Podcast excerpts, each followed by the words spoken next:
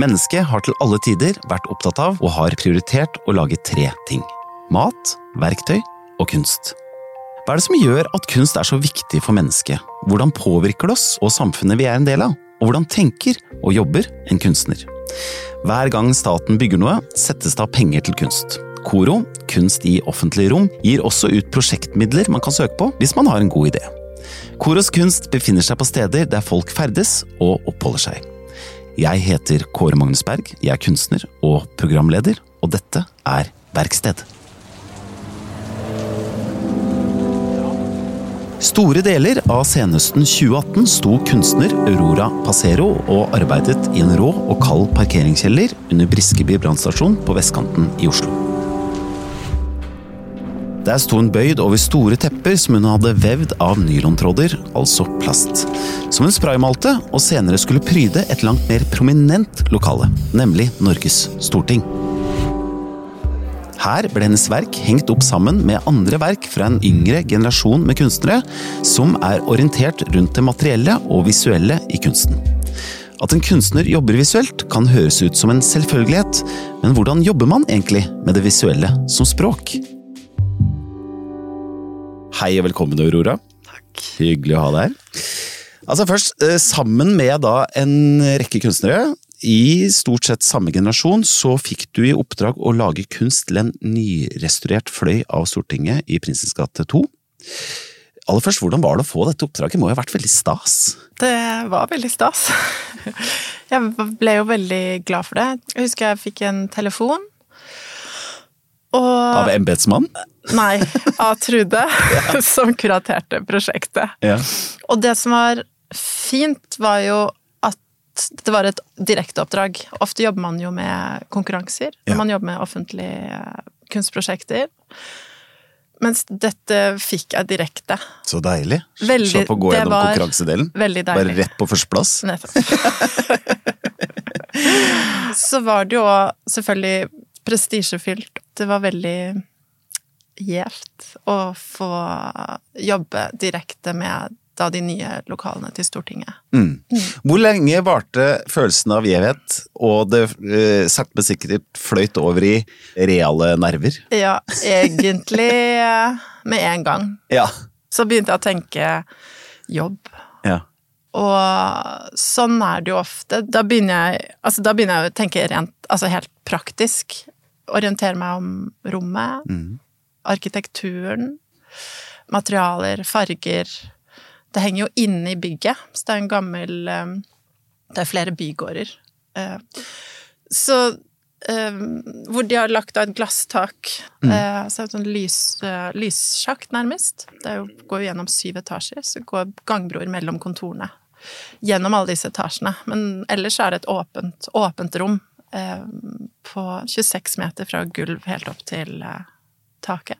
Og der skulle du lage kunst? Ja. Ja. Men det var igjen det, det at oppdraget var direkte. Det var også Plassen var bestemt. Rent praktisk så kunne jeg bare henge på én vegg, som er da en sånn heis, veggen til en sånn heissjakt. Og først diskuterte vi litt om det skulle henge fra taket, men der skulle det gå en sånn vaskeheis. Så da ville jeg Jeg landet egentlig på å bruke hele. Hele veggen. Mm. Og så delte jeg det opp, da, eh, for å måtte skape dynamikk. Så det var en del sånn praktiske ting som styrte prosjektet, da. Og du landa på eh, et verk som heter Coral Visions. Ja. Hvordan ser dette her ut? Det er vevd. Det består av seks paneler. Hengt som to lengder, men hvor lengden er forskjell ulike. De lengste er litt over ti meter, og de korteste er tre og en halv til fire meter. Det er vel ja, 16 meter totalt. Jeg vever de jo først, og så farger jeg de etterpå. Så fargene varieres jo da eh, nedover. Eh, og så er disse da komponert sammen, så de møtes på ulike steder. Så det blir på en måte en, skaper en helhet hele veien. Så det var viktig for meg å måte skape dynamikk, da. Jeg sier noen ganger at de er brede, altså som fillerier, da. For det klarer folk å Jo, jo, se ser for meg seg. Ja.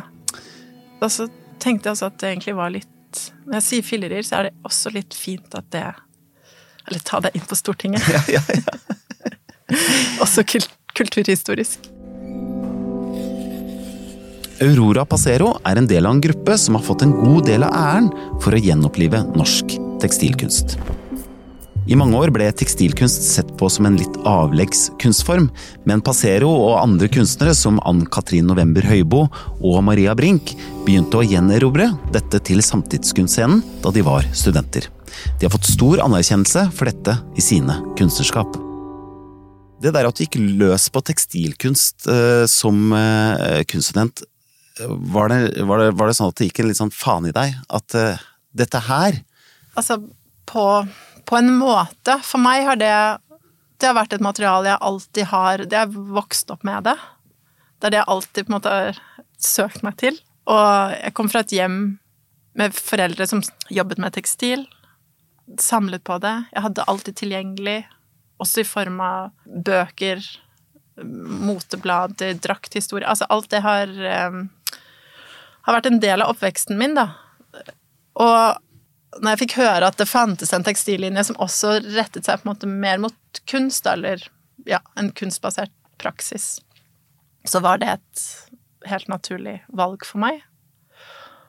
Det var ikke sånn at jeg valgte tekstil for å måte røre litt i Røre litt i gryta? gryta.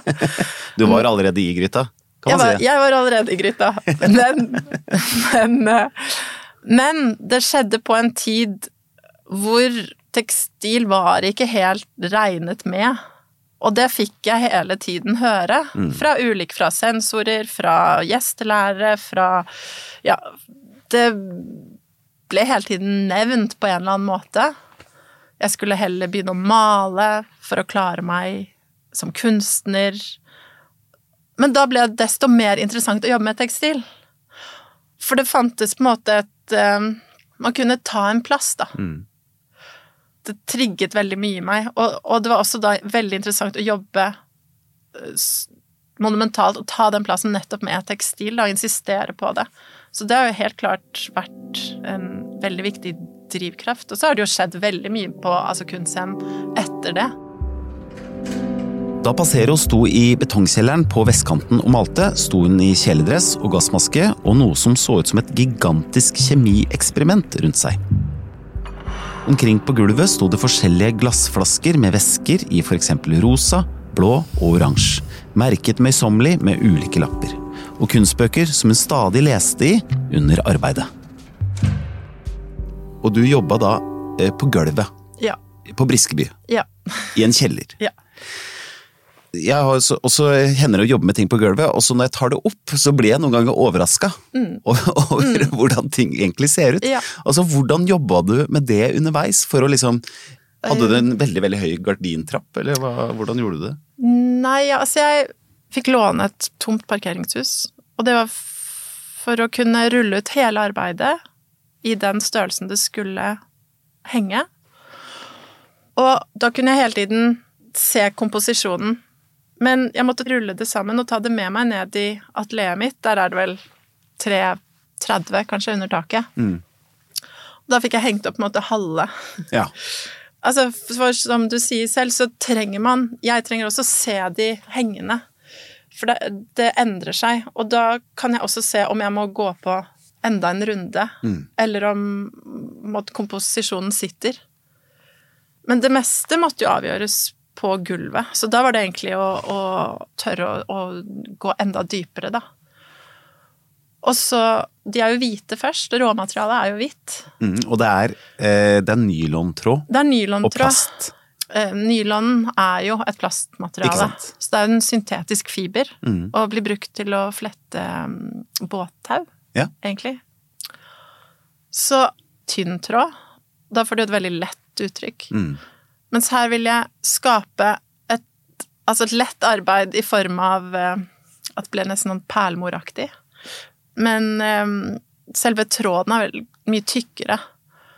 For det var viktig at det hadde en fysisk tilstedeværelse. Mm. Også når det henger på veggen. Selv om det er så stort, så det trengte å, å ta plass, da. Ja. Men jeg vet jo heller ikke Altså før jeg faktisk monterer det, hvordan det vil uh, se ut, da. Mm. Jeg hadde jo ikke noe rom på 16 meter, eller den størrelsen som jeg kunne testhenge arbeidet på forhånd. Rent sånn uh, valg av materiale, denne nylontråden. Er dette noe du har jobba med tidligere? Har du, har du lett deg fram til akkurat det materialet? Altså, Hvordan har på en måte forskningen vært rundt å finne akkurat den tråden? Egentlig har jeg jobbet med det de 10-11 siste årene, fra jeg gikk ut på Kunsthøgskolen. Og der hadde vi et garnlager som egentlig alle drev og rota rundt i. Og jeg var veldig opptatt av materialer. Jeg drev forsket på hvordan forskjellige materialer snakket med hverandre. Mm. Så begynte jeg med det nylontauet, så begynte jeg å farge det, og så Det tar farge veldig godt. Så Ja. det er et veldig lett, takknemlig materiale å jobbe med. Da. Mm. Det er veldig lett å farge. Det gjennomabsorberer fargen, eller pigmentene. Og så reflekterer det jo lyset, så blir det en sånn metallisk følelse. Og jeg, sånn som arbeidene til Stortinget, de sprayet jeg jo på farge, så da hadde jeg en helt annen kontroll, men jeg farger jo også i fargebad. Altså da dypper jeg jo hele tekstilen i forskjellige kar, da. Og så blander jeg meg frem til den tonen jeg har bestemt meg for. Sånn som til Stortinget så jobbet jeg jo Jeg på en måte begrenset det ned til en sånn blåtone en oransje tone. Jeg tror jeg trengte noen klare rammer, da, fordi det var så stort. Nede i den parkeringskjelleren. Var, det, var det ikke kjølig? Ja, det var, det var veldig rått. Og Var du der liksom på vinterstid? ja, det var jo i i november. Å, nydelig. Det var deilig. Og jeg var høygravid. Men du klarte det. Eh, og, Jeg klarte det. Og tittelen eh, Coral Visions, hva, hva kan du si om den? Eh, ja, jeg er jo interessert i motsetninger, da. Spenninger. Og så egentlig mm, interessert i ord, så jeg samler på ord. Og ofte er det ganske visuelt hvordan de klinger.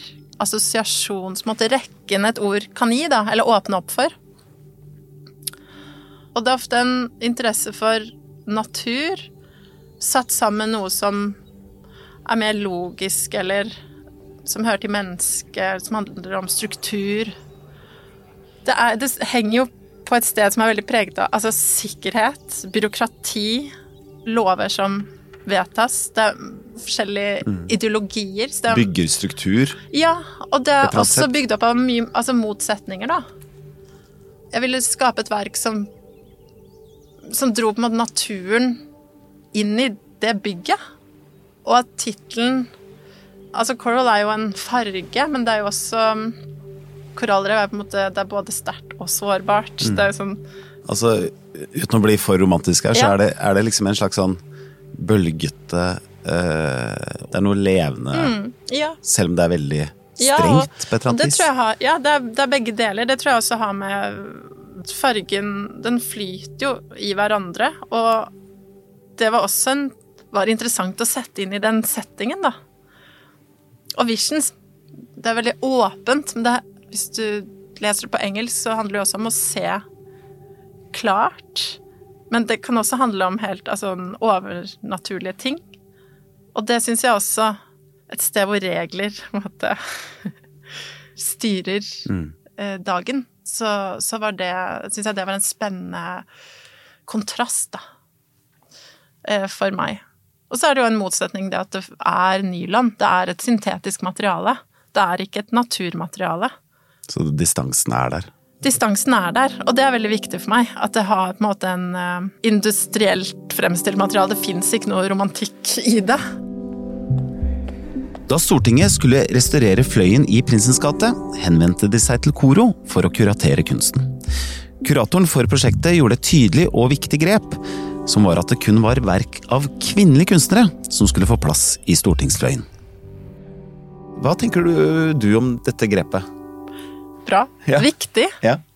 Til da så Nå husker jeg ikke hvor høy prosent, men samlingen besto jo av veldig mye mannlige kunstnere. Mm. Kunst lagd av menn. Og Mannekunst. Ja.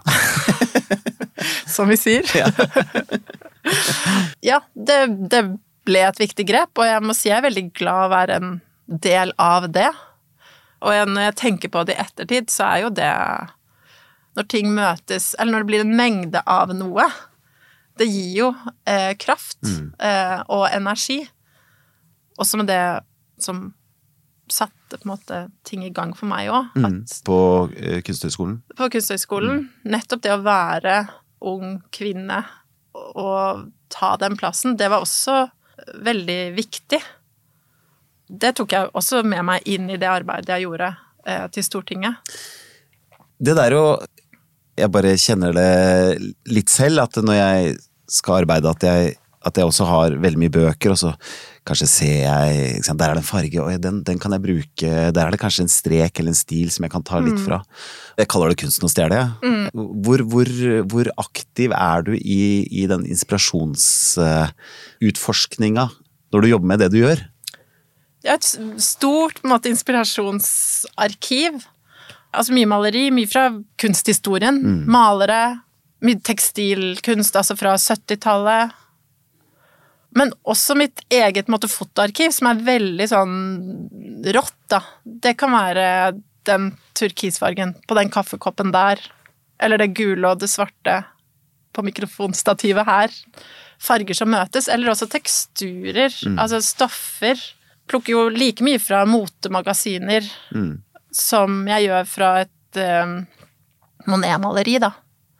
Kanskje en skolisse plutselig er, kan inspirere en hel utstilling.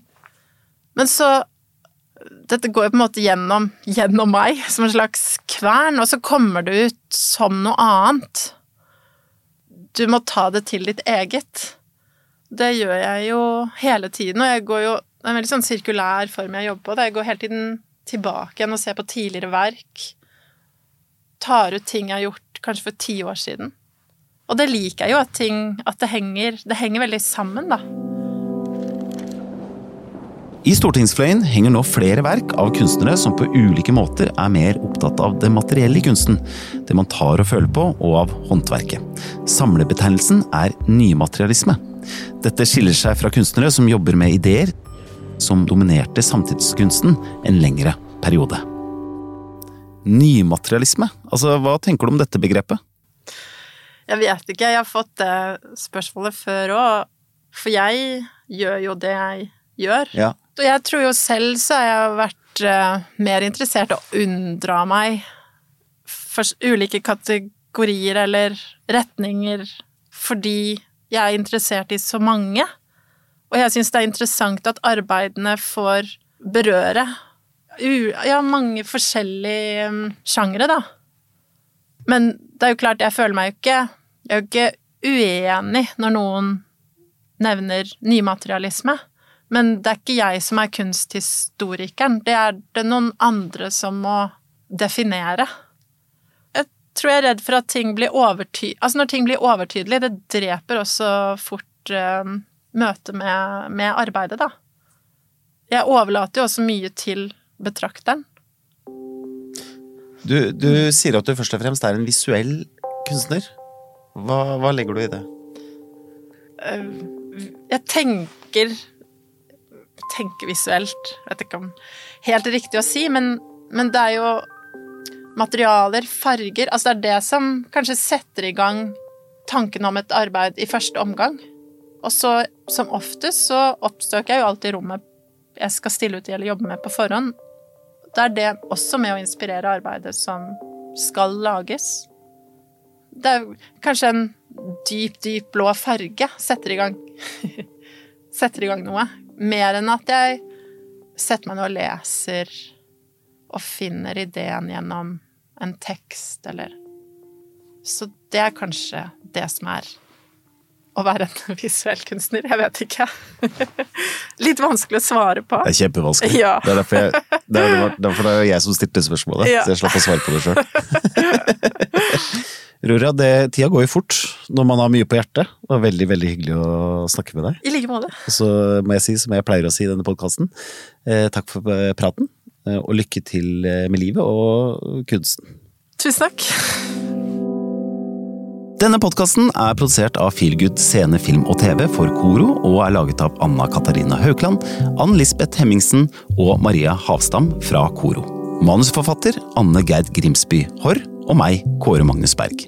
Episoden er klippet av Thomas Olaisen. Produsent er Miriam Ofsdal Berg.